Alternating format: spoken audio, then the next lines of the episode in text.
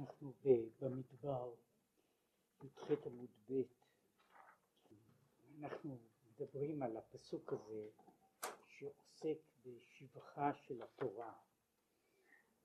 ויהיה אצלו המון ויהיה שעשועים כל יום יום, משחקת לפניו בכל עת, משחקת בתבל ארצו ושעשועי את בני אדם. ודיברנו קודם על העניין הזה של של משחקת לפניו בכל עת.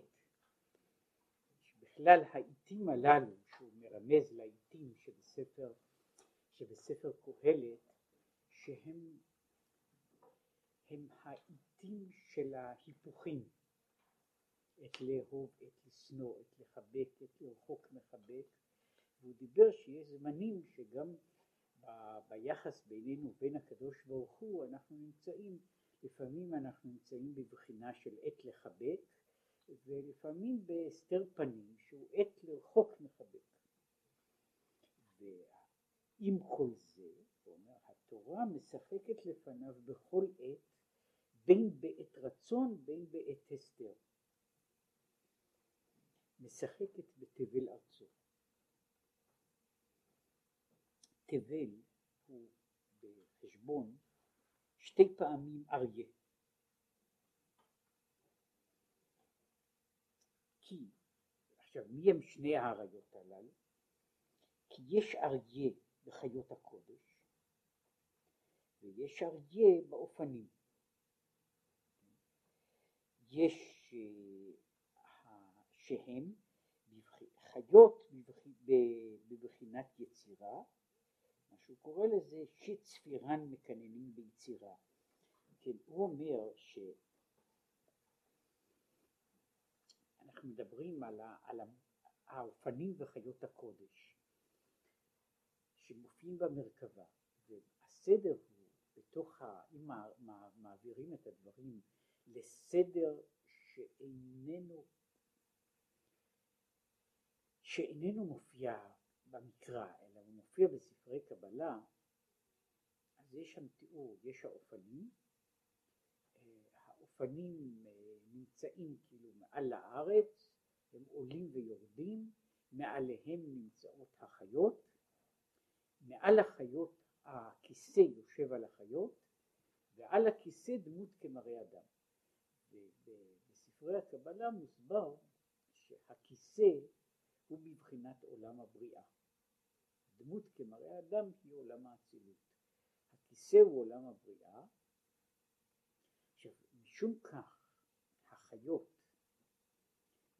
והאופנים הם דרגות יותר נמוכות. הוא אומר שבחיות שבכיסא אנחנו מוצאים שם פני אריה. שם כתוב שלחיות יש ארבע פנים ואחת מן הפנים הללו היא פני אריה. עכשיו יש אותו דבר למעשה אותו אותו סוג של מרכבה נמצא בכל עולם ועולם, אלא שהוא מקבל בכל עולם צורה שונה, מבנה אחר או ציור אחר של הדברים, במובן מסוים ארון הברית שבמקדש היה גם כן סוג של מרכבה בבחינה של עולם העשייה. זה, זה היה בעצם המהות והתפקיד שלו.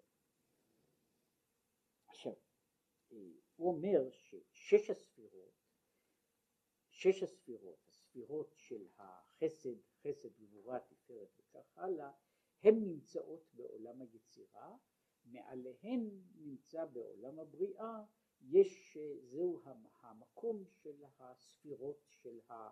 זה בעצם המקום של ספירת הבינה, אבל עולם היצירה הוא במובן מסוים הוא מה שאנחנו קוראים לזה העולם של, ש, שהוא מגדיר את עצמו בבחינה של האמוציה, חסד, גבורה וכו'.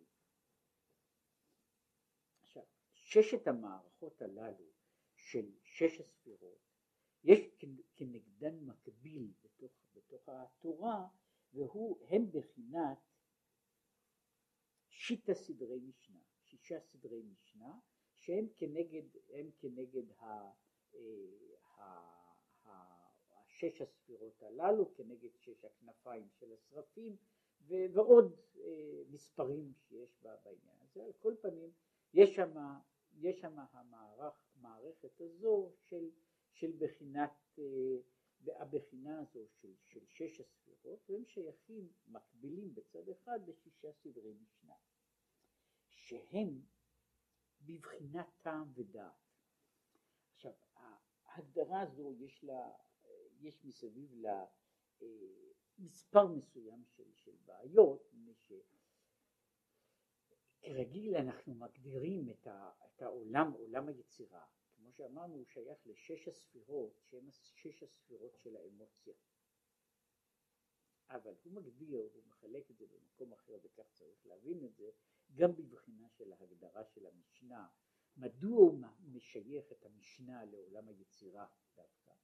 הוא מסביר במקום אחר שהעולם של האמוציות, בניגוד לעולם המופשט של המחשבה, הוא עולם שמה ש...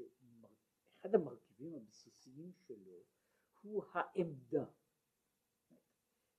זהו, באמוציה יש עמדה. אני או בעד או נגד, או יש לי, יש לי מערכת יחסים שיכולה להיות מורכבת, כפולה, אבל על כל פנים בתוך כל אמוציה יש צד של בעד ונגד דברים, בעד ונגד דברים. עכשיו החלק הזה של ההכרעה, אני בעד משהו, נגד משהו, הוא שייך לעולם של האמוציה, ובבחינה הזו הוא נוגע לעניין של ההגדרה של המשנה, לפי שהמשנה היא ביסודו של דבר קביעות נחרצות. במהות המשנה היא לא עיסוק אינטלקטואלי, המשנה היא קובץ של הלכות שהן בסך הכל אומרות אותו דבר, אה, בעד או נגד, להבדיל כמה, כמה הבדלות, סיפרו פעם שאחד מהנשיאים של ארצות הברית היה מפורסם בתור שתקן גדול שיום אחד אה, שלחה, שלחה אותו אשתו, היא לא יכלה לבוא, שלחה אותו שילך במקומה לשמוע את הדרשה של הכומר ואז היא שואלת אותו מה הוא אמר, אומר, הוא אומר הוא דיבר על חטא ומה הוא אמר בעניין הזה? הוא היה נגד. עכשיו במובן הזה, במובן הזה ההגדרה, ההגדרה של המשנה כל עניין של המשנה היא ביסודו של דבר קביעות נחרצות. זה וזה מותר, וזה וזה מצווה, זה אסור, וזה וזה וזה דבר שראוי לשבח, וזוהי כל הקביעה. ומהצד הזה היא בנויה כמו כל ההגדרות של, של, של קביעות אמוציונליות. אבל, נדבר על זה בהרבה מאוד מקומות, ולאו דווקא כאן, אלא גם במקומות אחרים.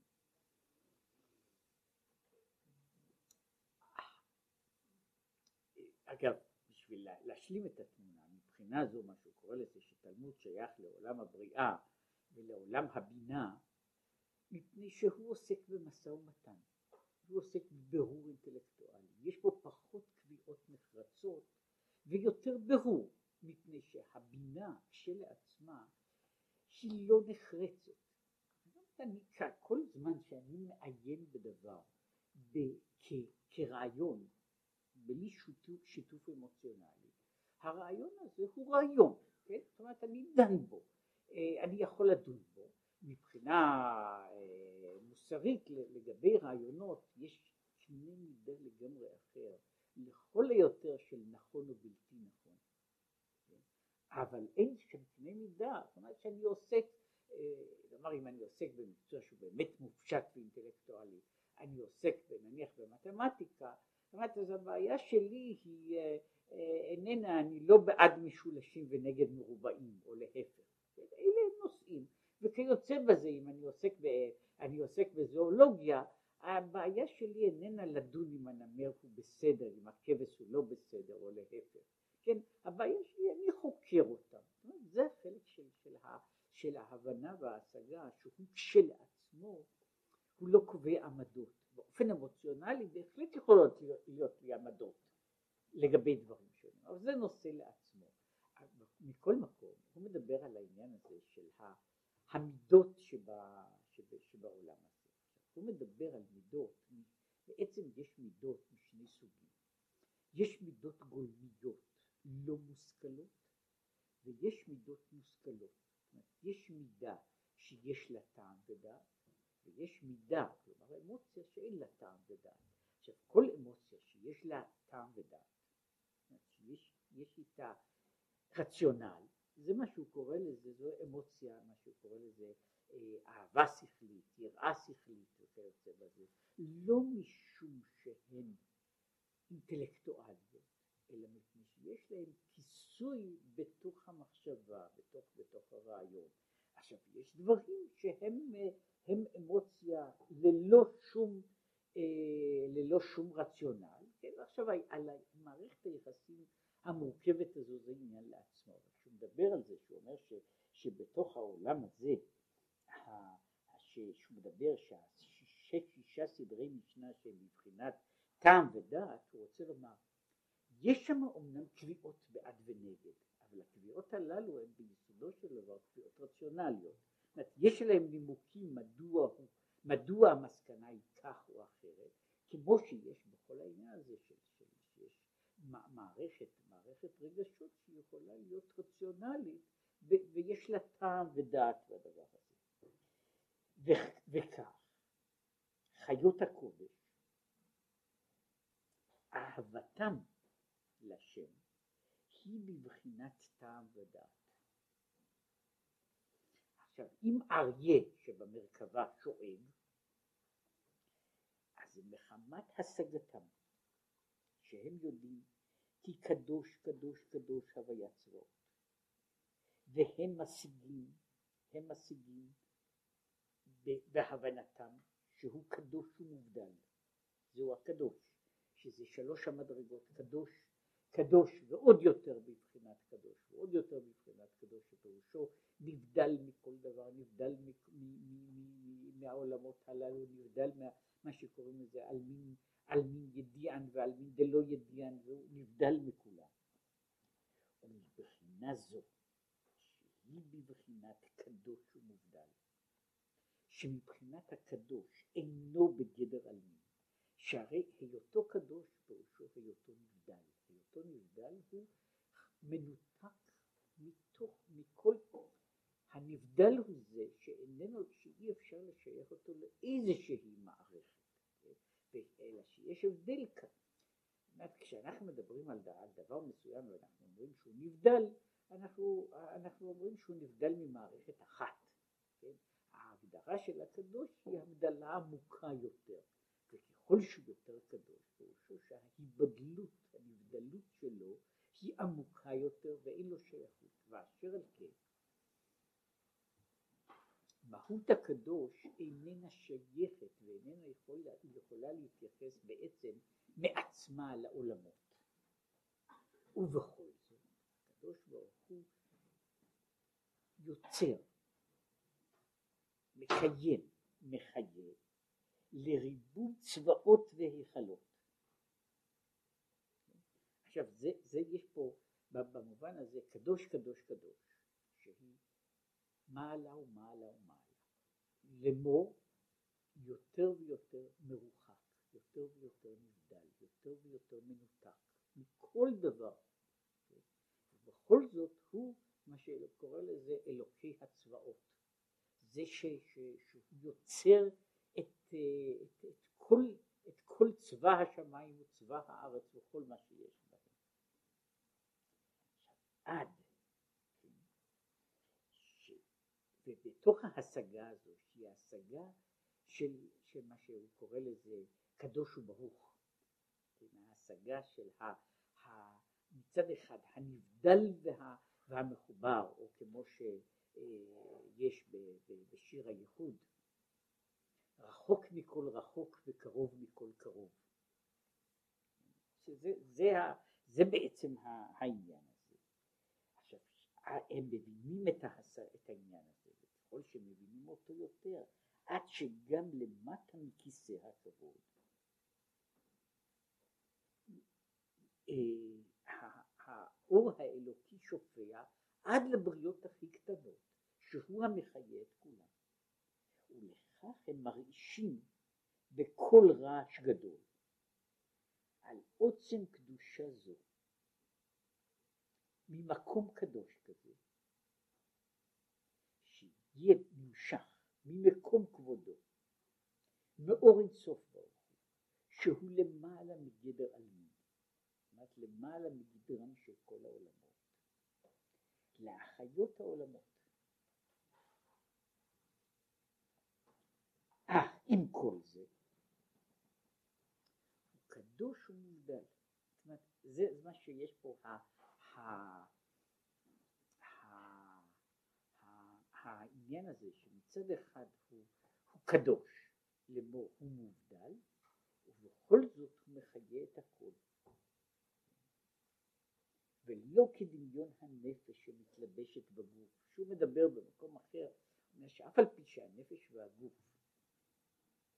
הם שתי מהויות שונות לחלוטין, ובכל זאת הנפש מתלבשת בגוף. מה זאת אומרת שהיא מתלבשת בגוף? הנפש איננה, איננה, איננה אי אפשר לומר שהנפש יושבת במקום מסוים בגוף. ואי אפשר בכלל לתאר את הנפש בהגדרה של מקום. עם כל זה הנפש מתלבשת בגוף, וההגדרה של התלבשות הגדרה כפולה. מצד אחד הלבוש, הכיסוי, הוא, הוא מעטה, הוא הסתר. הנפש מתלבשת בגוף לאמור, היא מסתתרת, היא נחבאת בתוכו. אבל יש בה גם בלבוש דבר אחר. לבוש איננו מנותק מן הלובש. כשאני מושך את הלבוש, אני מושך גם את מה שנמצא בתוך הלבוש. אלא אם כן יש לי לבוש ריק.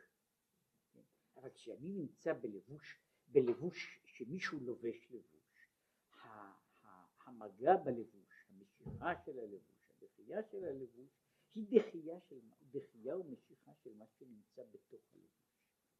ומשום כך,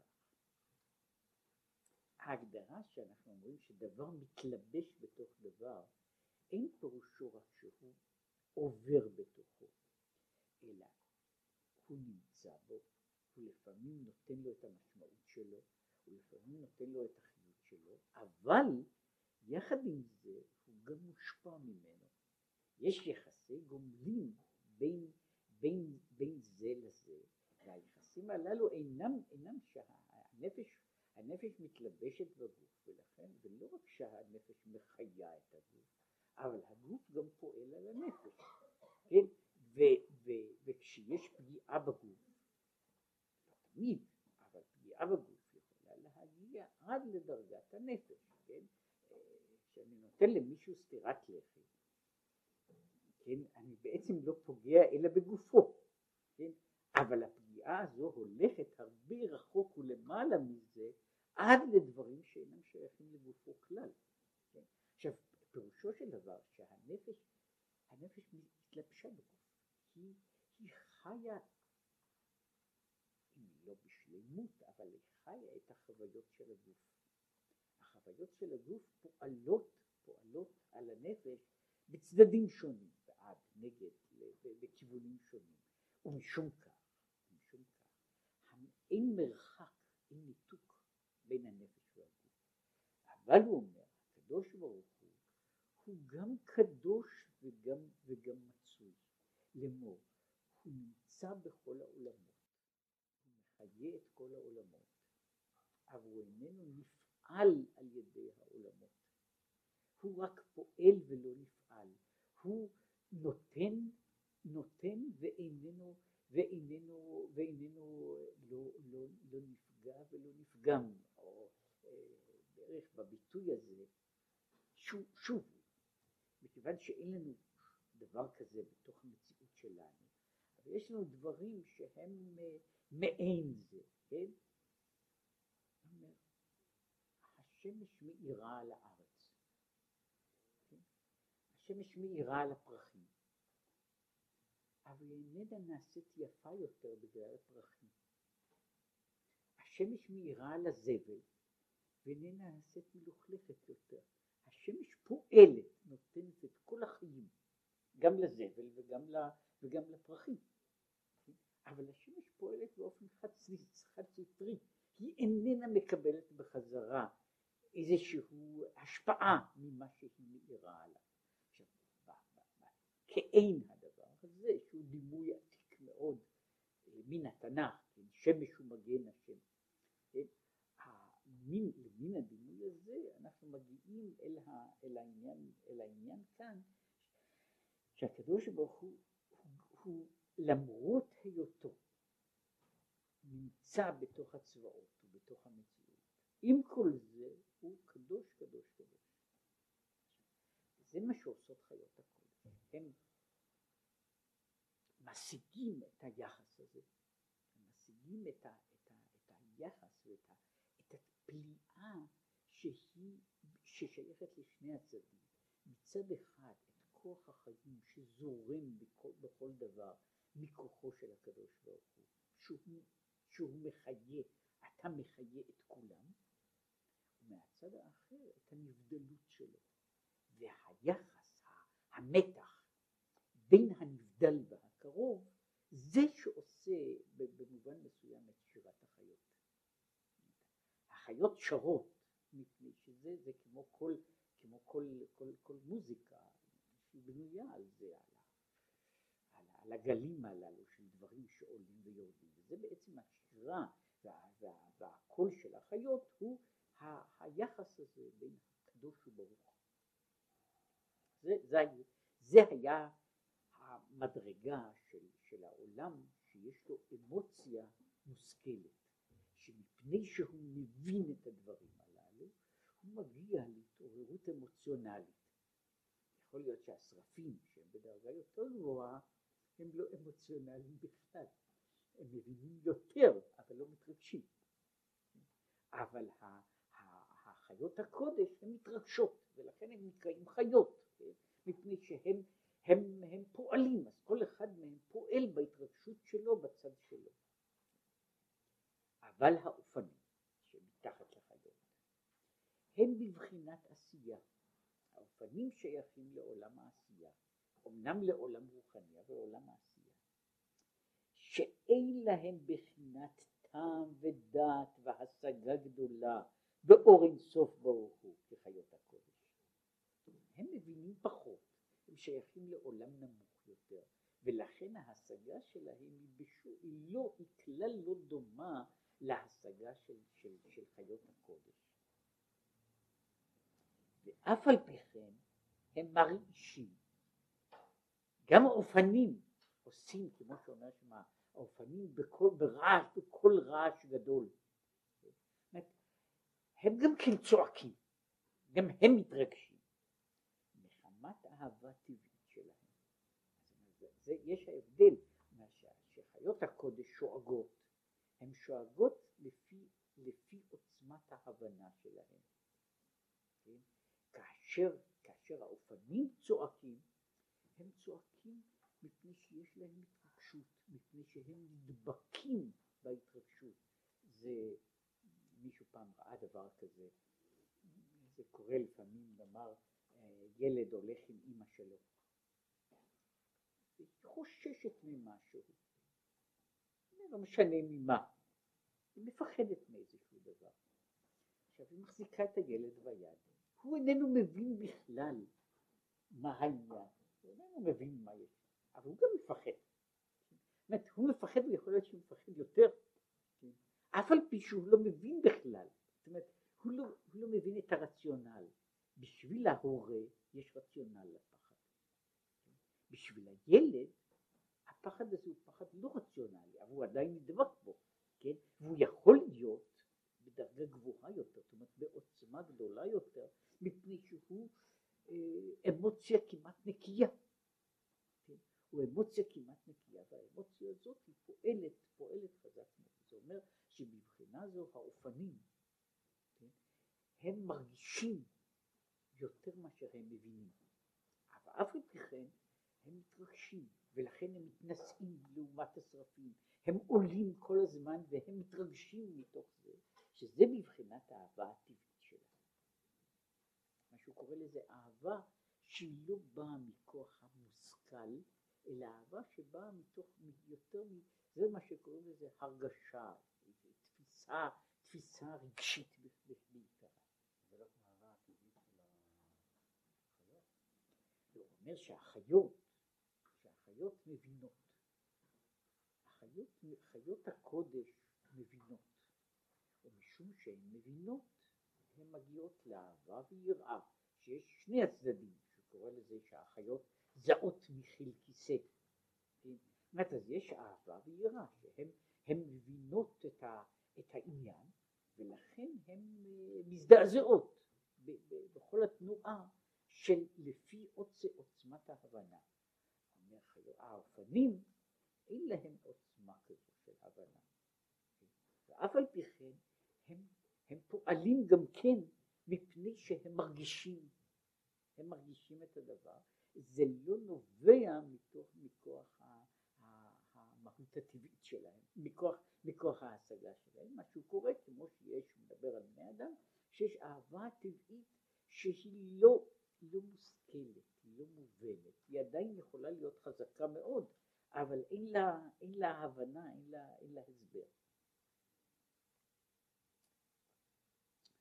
וזהו משחקת בתבל שהוא שתי טעמים אריה, שבשתי בחינות אריה היא בבחינת משחקת, בין בבחינת אריה שבחיות הקודש, בין בבחינת אריה שבאופנים. אז הוא אומר, היא משחקת בתבל, שהוא מדבר פה על ה...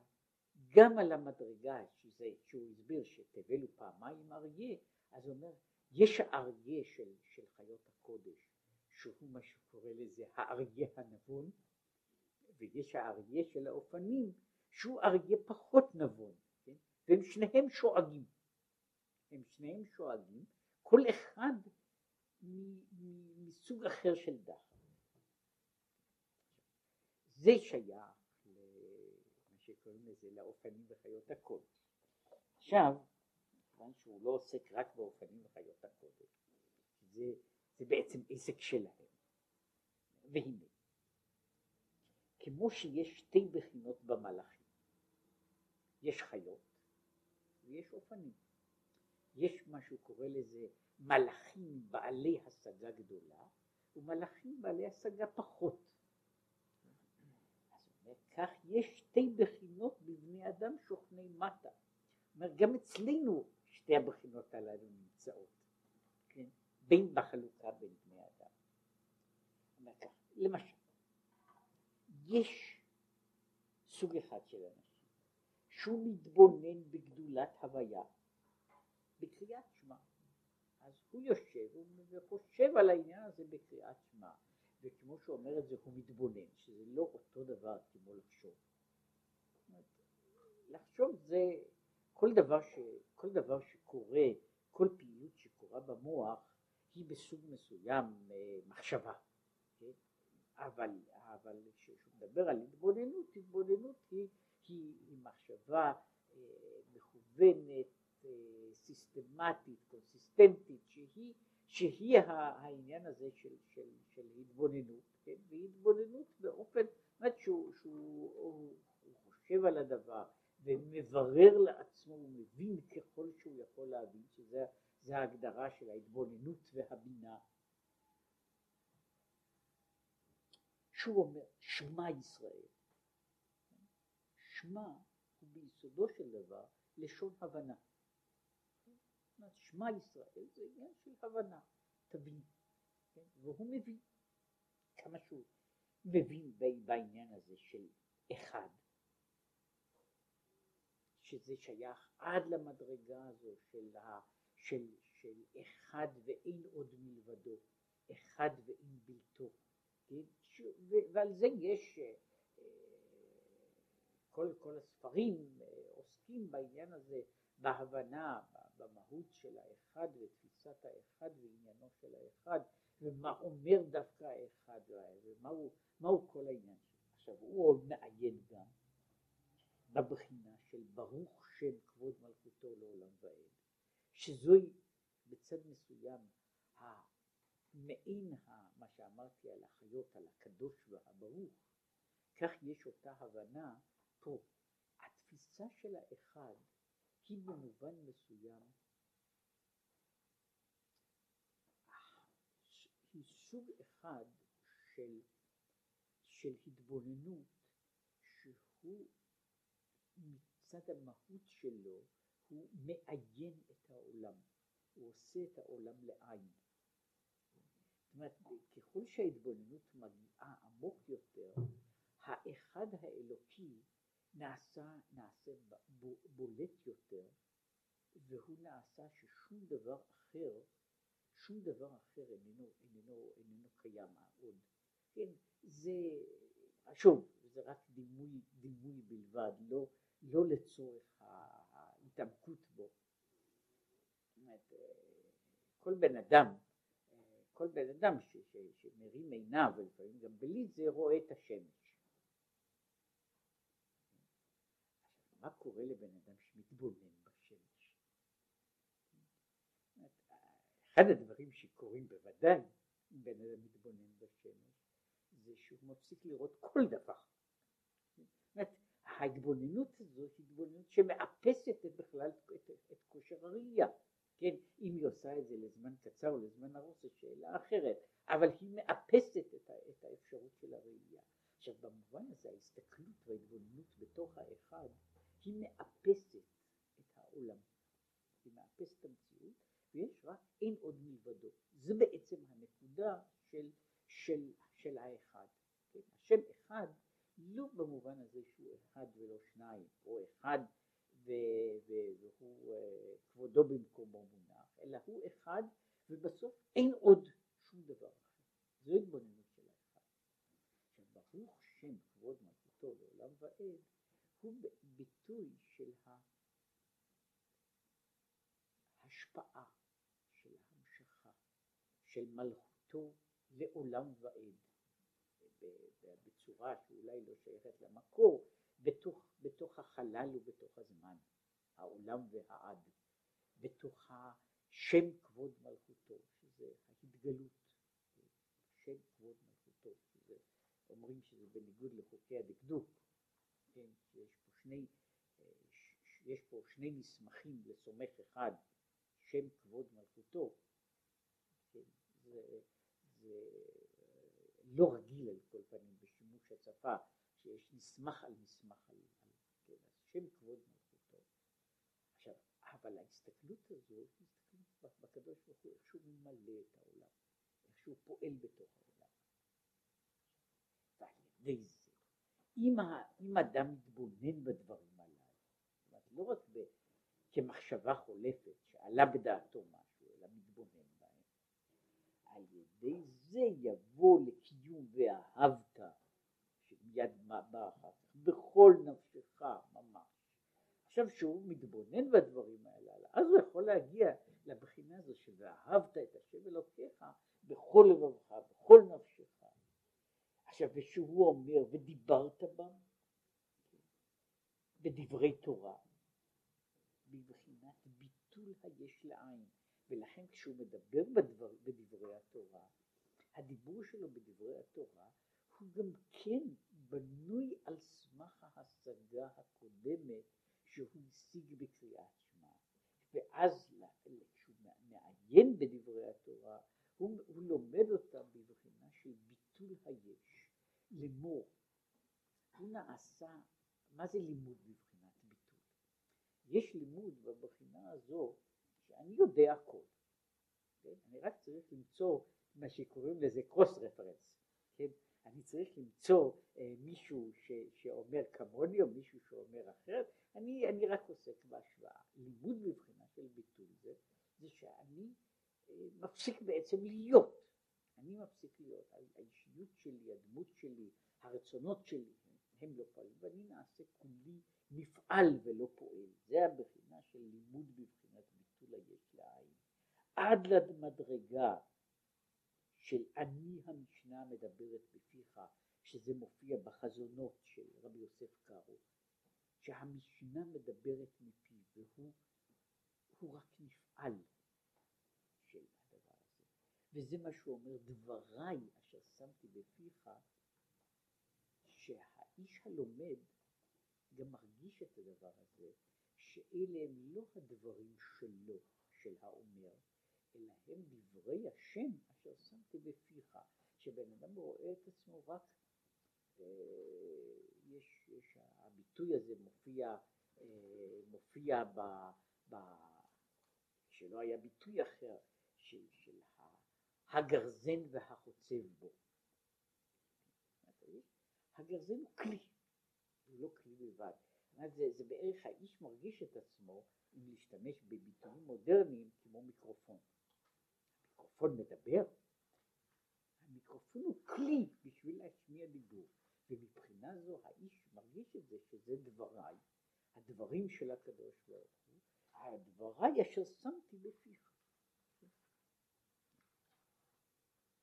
עכשיו, אלה שבמדרגה הזו, הם הם התלמידי חכמים, העוסקים בדברי תורה, שהם מקבילים לשיטה סדרי משנה, שהם ביצירה.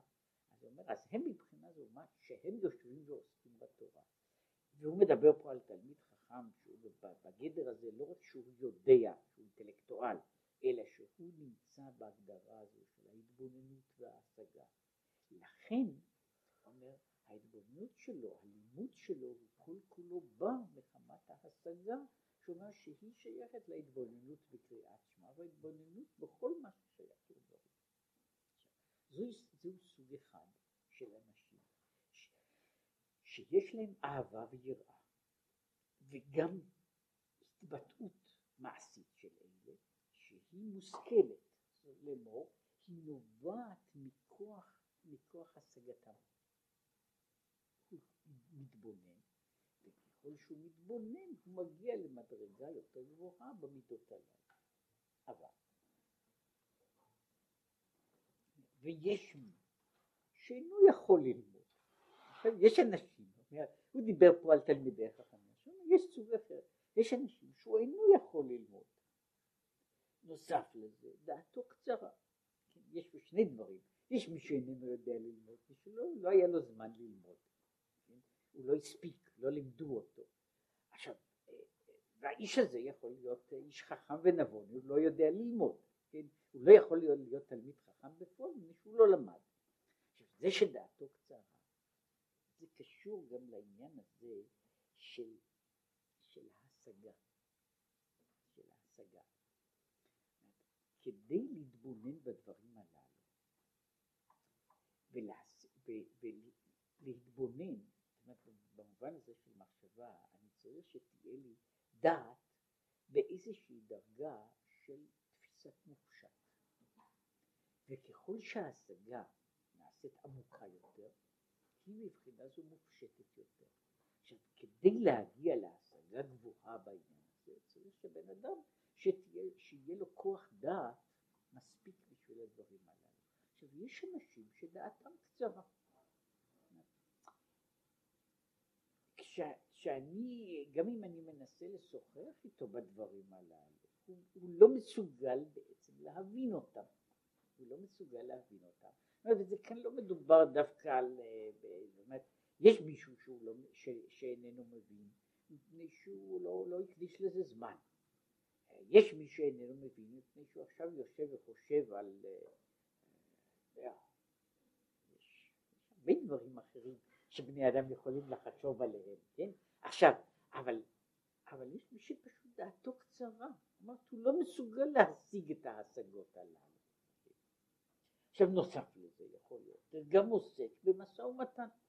עכשיו, יכול הרי להיות בן אדם שלא יודע ללמוד ודעתו קצרה, ועדיין יושב בישיבה, וכבר ראינו כאלה, ולא אחד כזה, אבל הוא אומר, האיש הזה גם לא יושב שם, הוא נמצא בתוך עולם, עולם, עולם המעשה. אז אם כן, לפי זה, הוא מבחינת עשייה.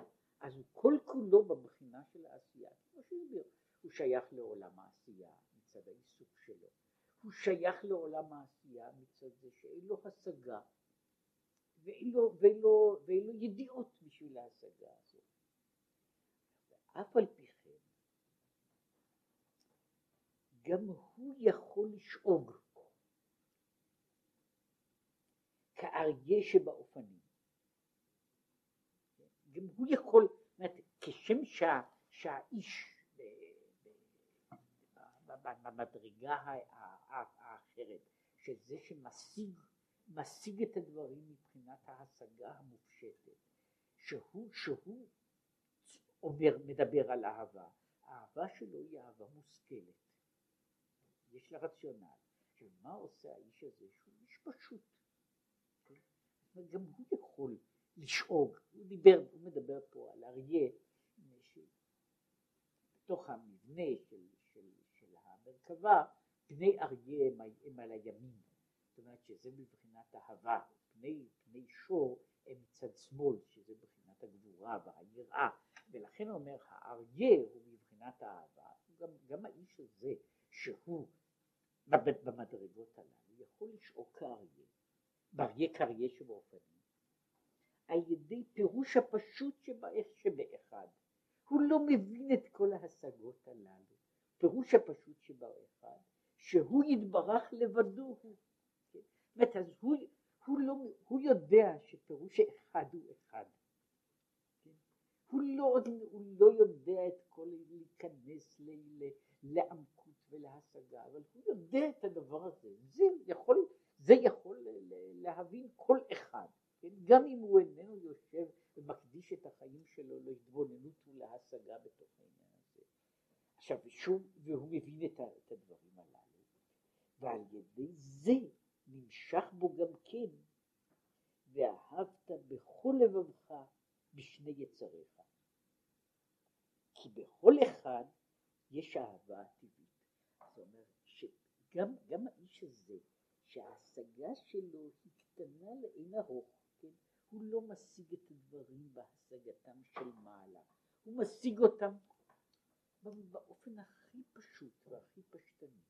גם הוא יכול להגיע לאהבת השם, שהיא יכולה להיות מבחינה, מבחינת האמוציה שלה לא יותר נמוכה.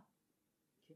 הוא רק לא, הוא בעצם לא מבין את כל הדברים הללו, אבל הוא יכול, כשהוא אומר שמע, הוא יכול להיות באותה התרגשות, וכשהוא מגיע לאהבת השם, אהבת השם יכולה להיות אצלו באותה עוצמה ובאותו תוקף כמו אצל, אצל האנשים שהם בעלי ההבנה וההשגה הגדולה. עכשיו הוא מוסיף. וזוכים לגילוי זה על ידי הצדקה שנקראת אחד האופנים שבו האיש הזה, שהוא לא הוא לא בעל השגה. כן? איך הוא זוכה לגילוי של הדבר? מפני ש... הוא אומר, יש, יש באדם, בנפש האדם, יש אהבה טבעית. שהוא מסביר אותה שבעומק הנפש יש לנפש קשר אל הקדוש ברוך הוא. אבל הקשר הזה, הקשר הזה איננו נמצא על פני השטח. יש, רק כהערת אגב, כשאנחנו מגדירים שיש לבן אדם נשמה גבוהה או נשמה נמוכה, לא מגדירים את הכישורים האינטלקטואליים שלו.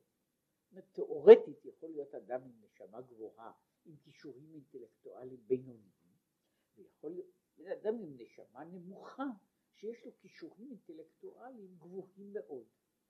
עכשיו, מהי נשמה גבוהה? נשמה גבוהה היא נשמה שיש לה רגישות לקדושה. זה, ו, ומבחינה מסוימת הוא מדבר על זה במקומות אחרים, נשמה גבוהה היא לא דבר של, ש, שאני רוכש אותו. נשמה גבוהה הוא דבר שבמובן מסוים אני נולד איתו. כן? עכשיו יש אנשים, ב, אם הייתי אומר להבדיל, אה, על דבר שהוא שוב לא אינטלקטואל במהות, יש אנשים שיש להם, אה, שהם אנשים מוזיקליים ואנשים לא מוזיקליים. זה, אין לזה שום קשר לכישורים האינטלקטואליים שלהם. כן? עכשיו יש מישהו שנולד שהוא, שהוא מוזיקלי במידה מתונה? ואם אם הוא ילמד ויתאמן ויעבוד בזה, הוא יכול לפתח את הדבר. יש אנשים שנולדים כמעט בלי שום חוש כזה, ויש אנשים שנולדים עם חוש מוזיקלי גבוה מאוד, ואז הוא יכול להיות, וזה כמעט לא משנה, זה שוב, גם איש כזה, טוב לו וחשוב לו ונחוץ לו, שהוא יהיה, שהוא יהיה ב... שהוא יהיה בתוך, בתוך, בתוך מסגרת שמפתחת אותו, אבל הוא יכול לחוש בדברים גם בלי, גם בלי שום אימון, שום אימון ושום לימוד, הוא יתפוס את מה שהוא יכול לתפוס בצורה כמעט מה, מתוך, ה, מתוך, מתוך ההשגה, מההשגה, נקרא לזה מתוך השגה, תפיסה אינסטינקטיבית. עכשיו הוא אומר שבצד הזה אבל הנשמה, אם בן אדם אין לו נשמה קדושה במיוחד, האהבה הטבעית שלו איננה, איננה מגיעה לידי גילוי.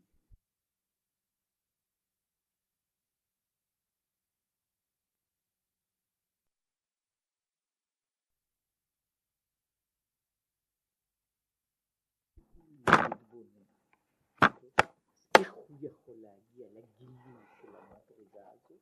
זאת אומרת, זה על ידי מעשה הצדקה.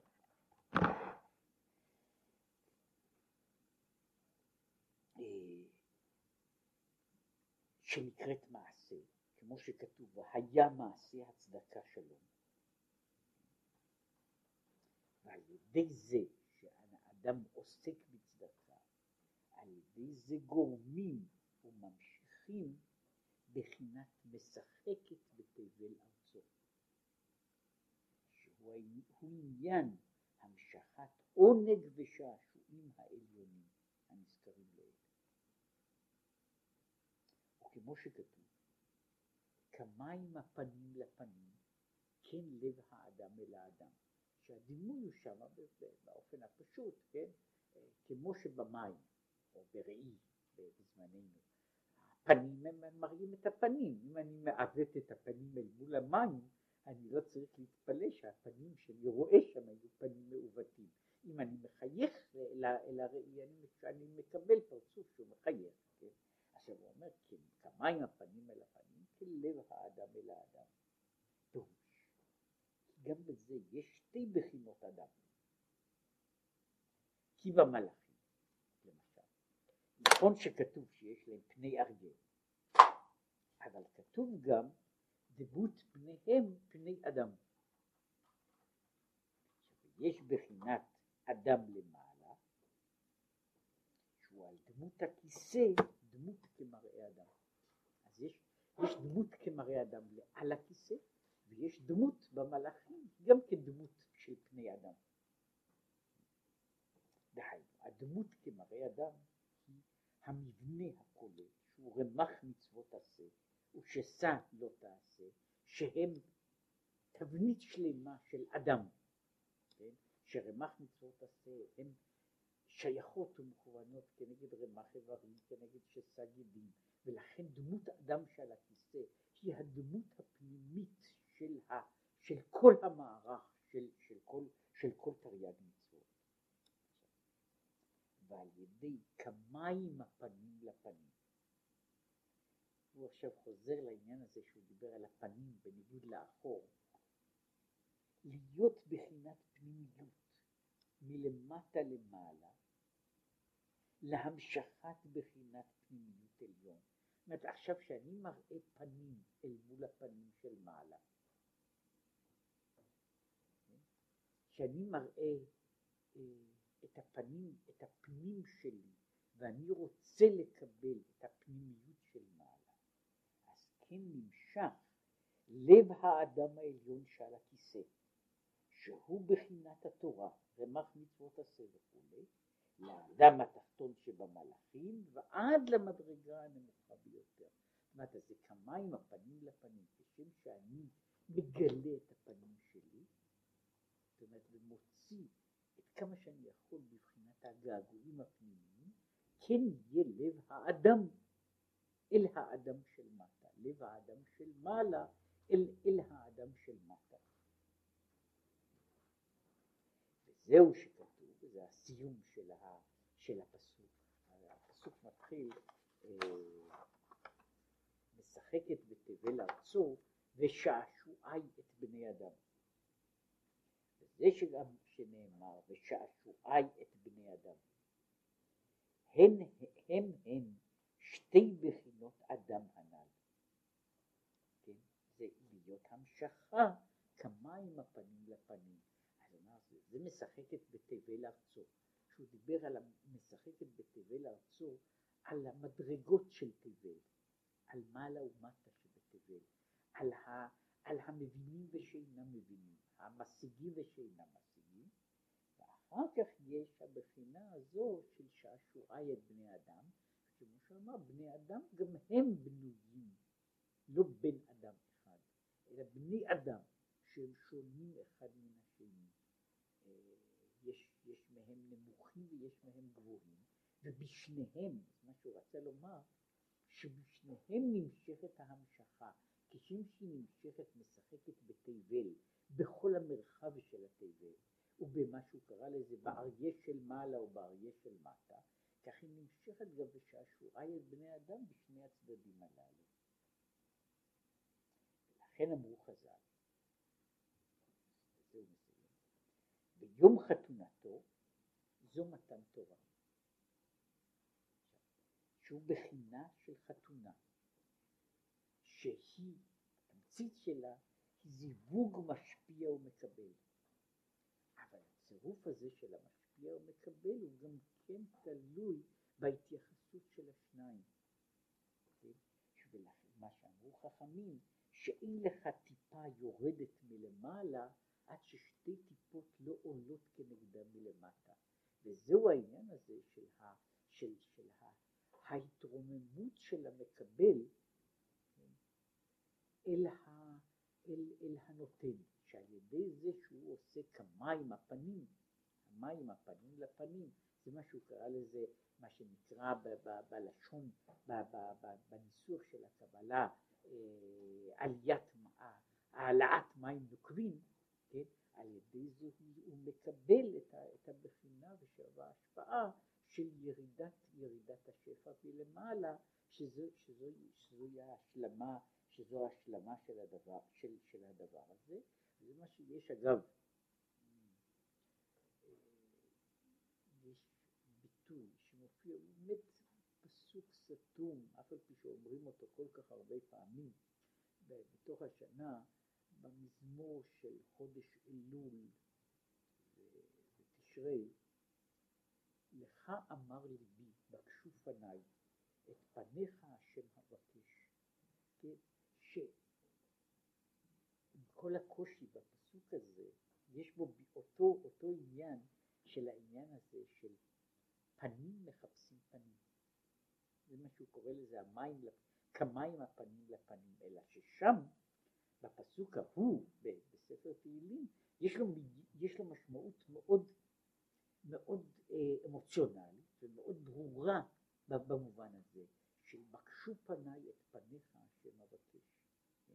שזה, שזה הבחינה הזו של, של ההתייחסות של פנים אל פנים, וכשהוא התחיל בזה, כאשר בן אדם רוצה, מחפש את השם, בבחינת פנים, בבחינת עומק ליבו, על ידי זה הוא זוכה לגילוי של פנים העליונים, והגילוי הזה הוא ההשפעה של החסד, של האהבה, שהוא קורא לזה של שעשועי את בני אדם. זאת אומרת, לא רק שמשחקת בתבל, לא רק שמשחקת לפניו בכל עת, אלא גם שעשועי את בני אדם, שההשפעה הזו, העונג הזה, יורד גם למטה אל בני האדם שלנו.